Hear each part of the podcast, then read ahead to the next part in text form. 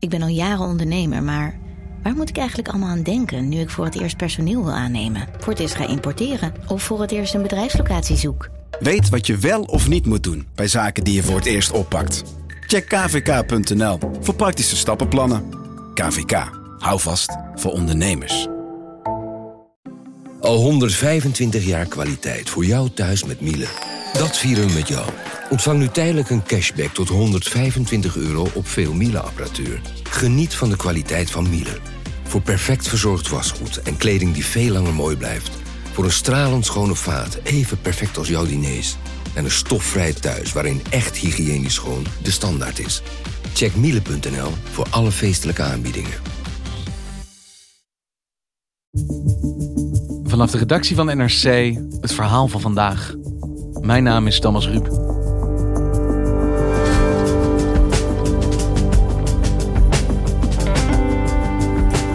Gedragsvoorspelling. Grootschalige analyse van data uit de Nederlandse samenleving. Op een kazerne op de Veluwe is Defensie precies dit aan het doen. Doel was ondersteuning tijdens de coronacrisis. Maar ontdekten Esther Rosenberg en Karel Berghout... de ambities reiken eigenlijk veel verder. Hoe ver mag Defensie gaan met inlichtingen verzamelen over ons?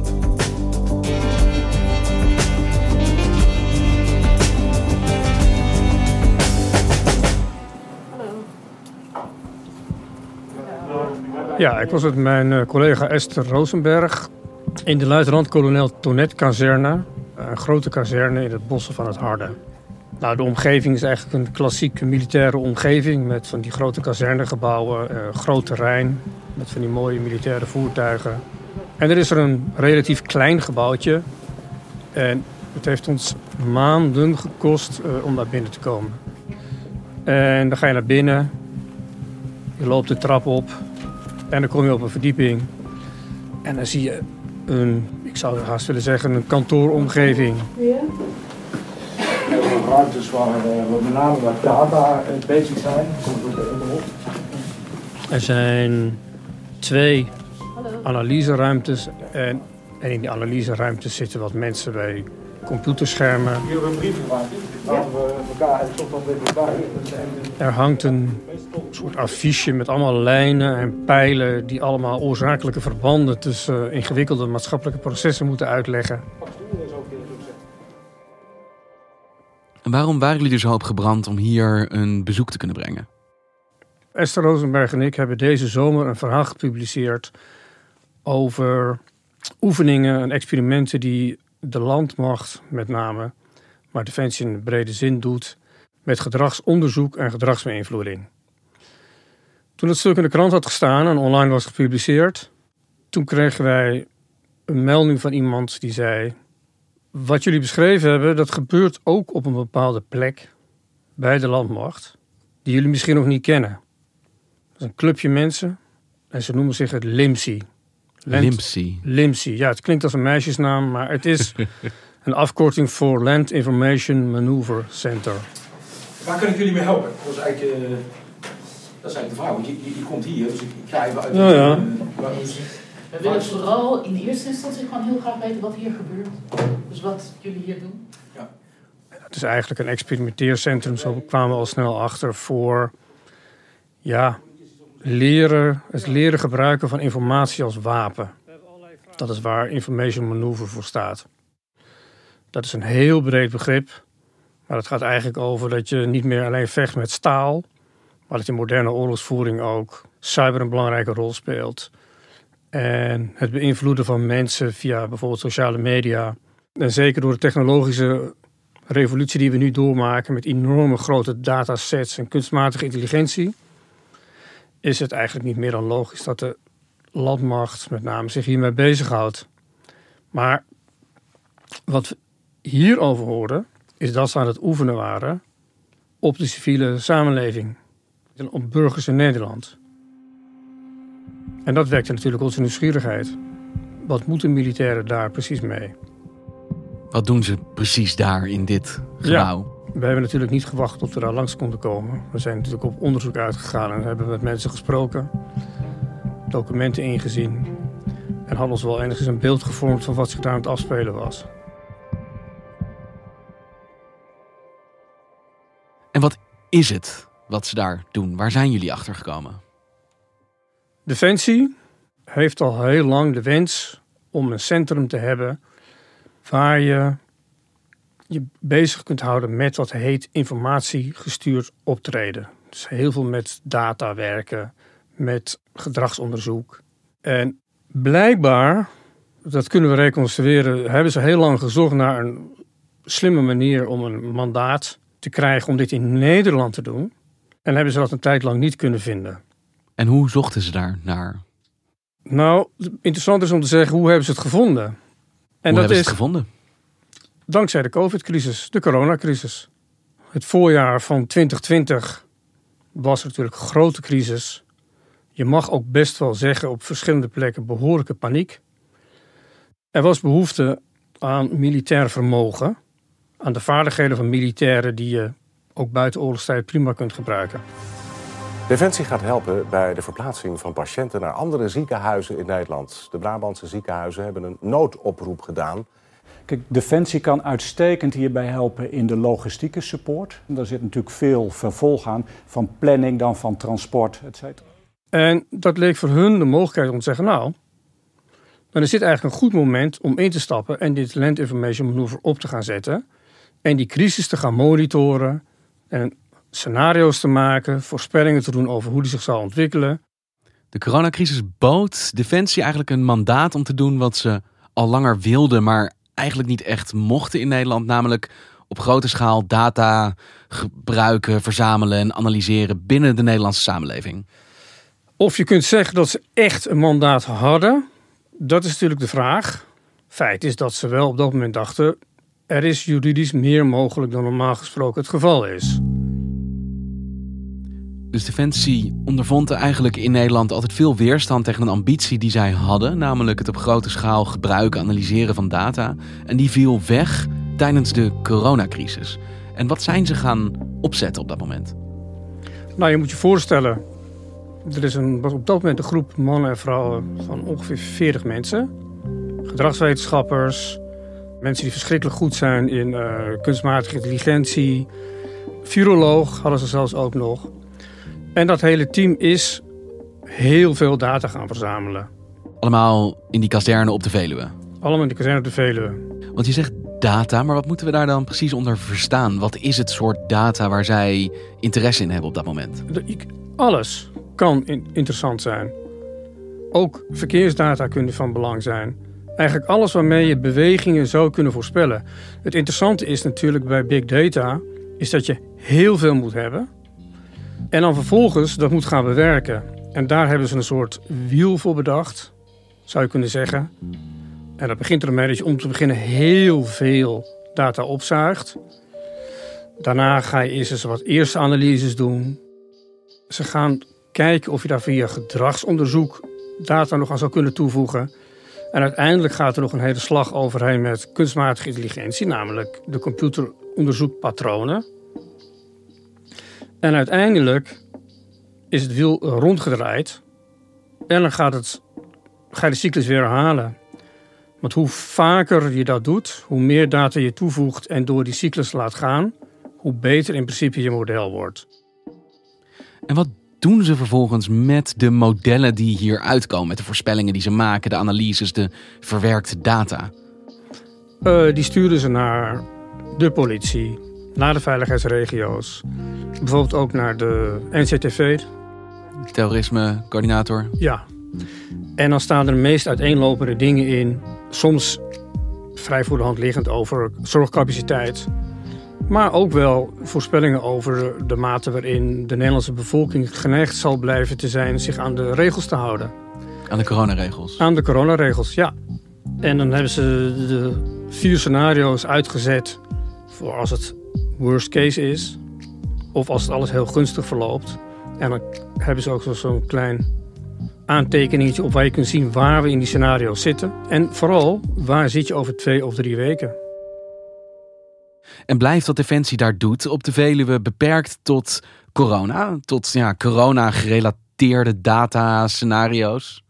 Nou, aanvankelijk is dat het belangrijkste wat ze doen. En eigenlijk ook het enige wat ze doen. Maar na enkele weken al, als de crisis wat minder wordt... gaan ze nog eens een keer om tafel zitten en zeggen hoe nu verder. En dan valt al snel het besluit, LIMSI blijft bestaan, ook na de coronacrisis. Dan komen er twee afdelingen. Eén, die blijft de coronacrisis volgen. En een andere afdeling, die gaat zich bezighouden met desinformatie. Desinformatie heeft natuurlijk ook wel degelijk raakvlakken met de coronacrisis. Maar dit gaat veel breder. Ze kijken gewoon eigenlijk hoe alle, wat dan heet narratieven, dus uh, de verhalen die de ronde doen op social media, zou je kunnen zeggen, over allerlei onderwerpen, hoe die zich ontwikkelen. Het Bill Gates narratief, hè, waarin deze oprichter van Microsoft uh, beticht wordt van allerlei uh, kwalijke praktijken, zonder enig bewijs. Ik vind Bill Gates een hele enge man. Ik vind het een hele, hele nare vind. En die vaccins zijn er ook vooral om heel veel geld te verdienen. Maar bijvoorbeeld ook wat ze dan noemen het Rusland versus de Europese Unie narratief. Die de bedoeling heeft om de EU te destabiliseren. Nederland klaagt internationaal Rusland aan voor MH17. Ik wil gewoon antwoord op één vraag. Hoe zit dat met die Korpan-foto? Dat is een ander fucking vliegtuig. En zij monitoren dat eigenlijk steeds op uh, wekelijkse basis. Om te kijken hoe zich dat ontwikkelt in de zin is er meer aandacht voor of minder? Krijgt het een impuls doordat er een demonstratie is ergens? Gaan traditionele media er meer over berichten of minder? En zo proberen ze in de gaten te houden of die narratieven een ondermijnend effect hebben. Dat woord wordt overigens niet gebruikt, maar dat is natuurlijk wel de, de context van alles. Want dit project wordt opgezet met het idee: dit is nu nodig om de samenleving door de coronapandemie te loodsen. Maar eigenlijk dus zeg jij al vrij snel komt er een hele eigen tak die zich met hele andere krachten in de samenleving gaat bezighouden dan dat virus. Ze benutten de crisis om te kunnen oefenen met de informatieoorlog. En maakt Defensie bekend dat zij dit nu gaan doen? Dat zij dit doen in Nederland? Nee, nee er wordt van uh, meet af aan wordt dit uh, in stilte gedaan. En uh, er wordt ook aangedrongen op wat een heet low visibility. Want Karel, jij zegt Defensie had al heel lang de ambitie om op deze manier met data te werken in Nederland. Met informatie. Maar dat kon eigenlijk nooit omdat het mandaat er niet was. Dat mandaat kwam er op een bepaalde manier met de coronacrisis. Defensie was hier nodig. Ja. Maar tegelijkertijd houden ze zich dus nu bezig met onderwerpen en zaken die helemaal losstaan van die coronacrisis. De vraag is dan, waarom zou dat dan nu wel mogen? Nou, dat is een goede vraag. Uh, en daar waren wij ook benieuwd naar. Er zijn dus mensen die wij gesproken hebben die zich ook echt zorgen over maken. En ons om die reden benaderd hebben.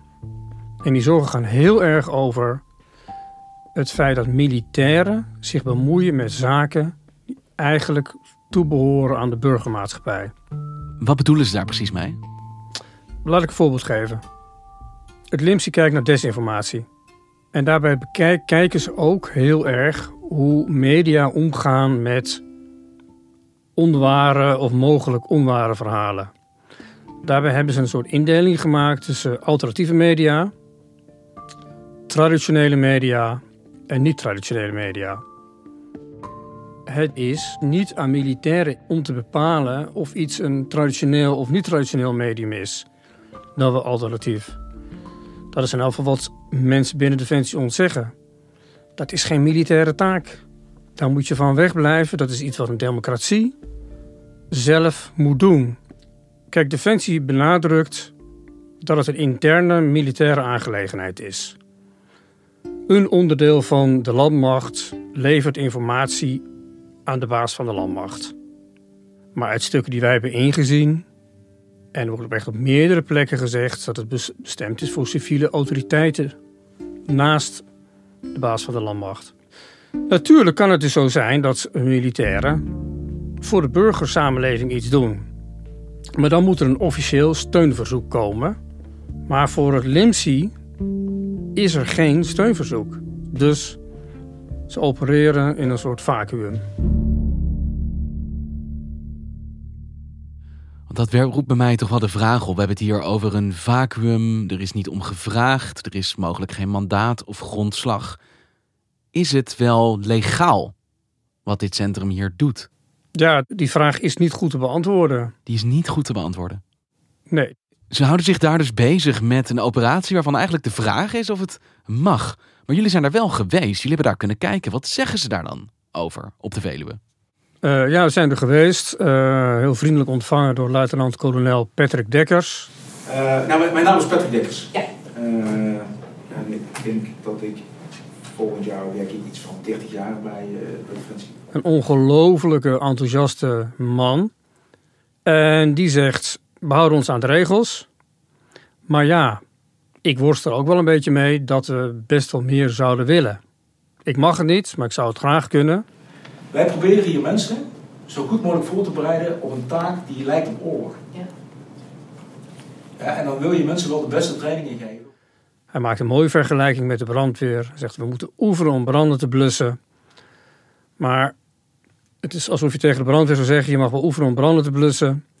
Maar je mag nooit de lucifer aanraken. Ja, ik weet dat die vader is, maar ik moet straks een brandhuis in. Weet je wel? Eh, ik heb dus een brandblusser nodig. En ik heb, ja, maar die brandblusser, die, dat, dat, dat mag je niet zo maken met die brandblusser. Dat zit allemaal regels aan vast. Ja, die, heb ik straks, die heb ik straks wel nodig. Als ik, dus, dus, dus soms, en dat is denk ik misschien wel een dilemma wat je voelt.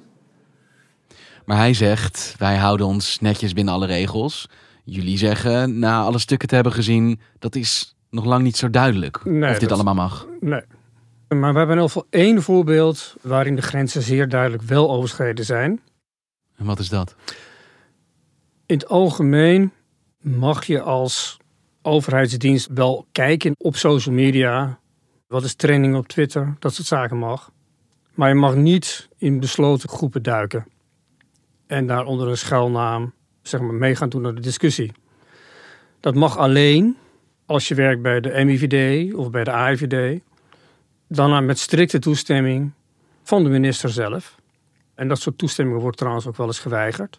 Maar we hebben in elk geval van bronnen, meerdere bronnen begrepen dat in minimaal één geval iemand van het LIMSI een platform heeft betreden onder een alias. En dat kan dus echt niet. Dus dat is iets wat uh, de grote inlichtingendiensten, de IVD en de MIVD niet eens mogen zonder toestemming? Klopt. En dat is hier volgens onze informatie wel gebeurd. En wat zegt zo'n luitenant-kolonel Dekkers daar dan op? Erkent hij dit? Uh, nee, nee. Hij zegt dat dit uh, niet klopt. Wij begrepen dat jullie ook op platformen, uh, op, onder schuilnamen op platformen hebben gezeten of zo. Om te nee. kijken wat daar speelt. Nee. Nee? Nee, ik weet niet waar die aapkool vandaan komt. Oké. Okay. Ja, maar dat is echt niet zo. Okay. Dat mogen we ook niet. Nee. We zitten dus wel op een heel lastig terrein dan. Het moet toch op een manier mogelijk zijn om duidelijk te krijgen, al is maar voor Defensie zelf, wat wel en niet mag met informatieverzameling in Nederland. Ja, dat zou mogelijk moeten zijn. Maar aan de andere kant stel ik vast dat ze het al een tijdje hebben geprobeerd. En er blijkbaar toch niet in slagen om het langs hun juridische afdeling te krijgen. Want zitten we dan in Nederland met een soort juridisch hiaat? Is onze wet eigenlijk niet toegerust op de toekomst van informatieoorlogsvoering? Of wil Defensie hier dingen die gewoon niet bij het mandaat van Defensie horen? Ik heb gesproken met Christ Klep. Dat is een militair uh, historicus met een lange staat van dienst. Die ook hele goede contacten heeft binnen uh, de krijgsmacht. En ook met veel mensen spreekt. En zijn opvatting is: dit moet je allemaal niet willen. Dit hoort helemaal niet bij de kerntaak van de krijgsmacht. In democratie hoor je dit uh, niet onder te brengen bij eh, bij dit soort eh, diensten, zeg maar, gemilitariseerde diensten. En eh, ik vind ook absoluut principieel gewoon niet dat we die stap moeten zetten. Ik bedoel, dit is gewoon niet iets wat thuis hoort bij, bij de krijgsmacht, zeg maar. Kijk, hij zegt, wat je hier ziet, gaat eigenlijk over binnenlandse veiligheid. En binnenlandse veiligheid hebben we in Nederland andere instanties voor uitgerust. Dus daar moet Defensie zich niet mee gaan bezighouden. En ook volgens mensen binnen Defensie wij spreken, dus die zeggen gewoon nee, dat kan niet. En zelfs als het wel zou mogen, is het niet wenselijk. En je hebt dus verschillende inzichten over hoe nodig het is. Maar één ding is duidelijk: het is onduidelijk nu of het mag wat ze doen. Is er dan sinds de oprichting van dit centrum in de coronacrisis niemand geweest die ze heeft teruggefloten? Die zei: hey jongens, uh, dit is niet helemaal de bedoeling wat hier gebeurt. Uh, ja, nou, uiteindelijk is dat wel gebeurd. In augustus is er op een gegeven moment een bijeenkomst geweest met een hoog iemand van de MIVD, dat is de Militaire Inlichting en Veiligheidsdienst. Ze zijn bij elkaar gaan zitten met meneer Dekkers, ik denk nog met andere belangrijke generaals van de landmacht. En hebben toen gezegd: Dit moeten we niet zo doen. En toen is afgesproken dat de producten, zoals dat dan genoemd wordt, de producten van het LIMSI, dus zeg maar die analyserapporten, zouden niet meer verspreid worden buiten de krijgsmacht. Dus andere takken van de overheid die zich in meer of mindere mate met inlichtingen bezighouden. En die zeiden dat hoort het LIMSI daar op de Veluwe niet te doen. Nee. En kwam daarmee ook een einde aan dat deel van het werk van het LIMSI? Nou ja, de rapporten zijn ze blijven maken. En die rapporten worden voor zover wij kunnen nagaan en wat de bronnen ons vertellen, komen nog steeds buiten Defensie, komen die terecht. Dus op dit moment op de Veluwe gebeurt dit nog steeds. Deze operatie is nog steeds aan de gang. Het wiel, zoals jij dat noemde, dat draait nog. Het wiel draait nog, ja. En vooralsnog eh, zonder een duidelijke juridische basis. Dankjewel, Karel. Oké. Je luisterde naar vandaag, een podcast van NRC. Deze aflevering werd gemaakt door Ido Havinga, Jeppe van Kesteren en Henk Ruigrok van der Werven. Chef van de audioredactie is Anne Moraal. De muziek die je hoort is van Rufus van Baardwijk. Dit was vandaag. Morgen weer.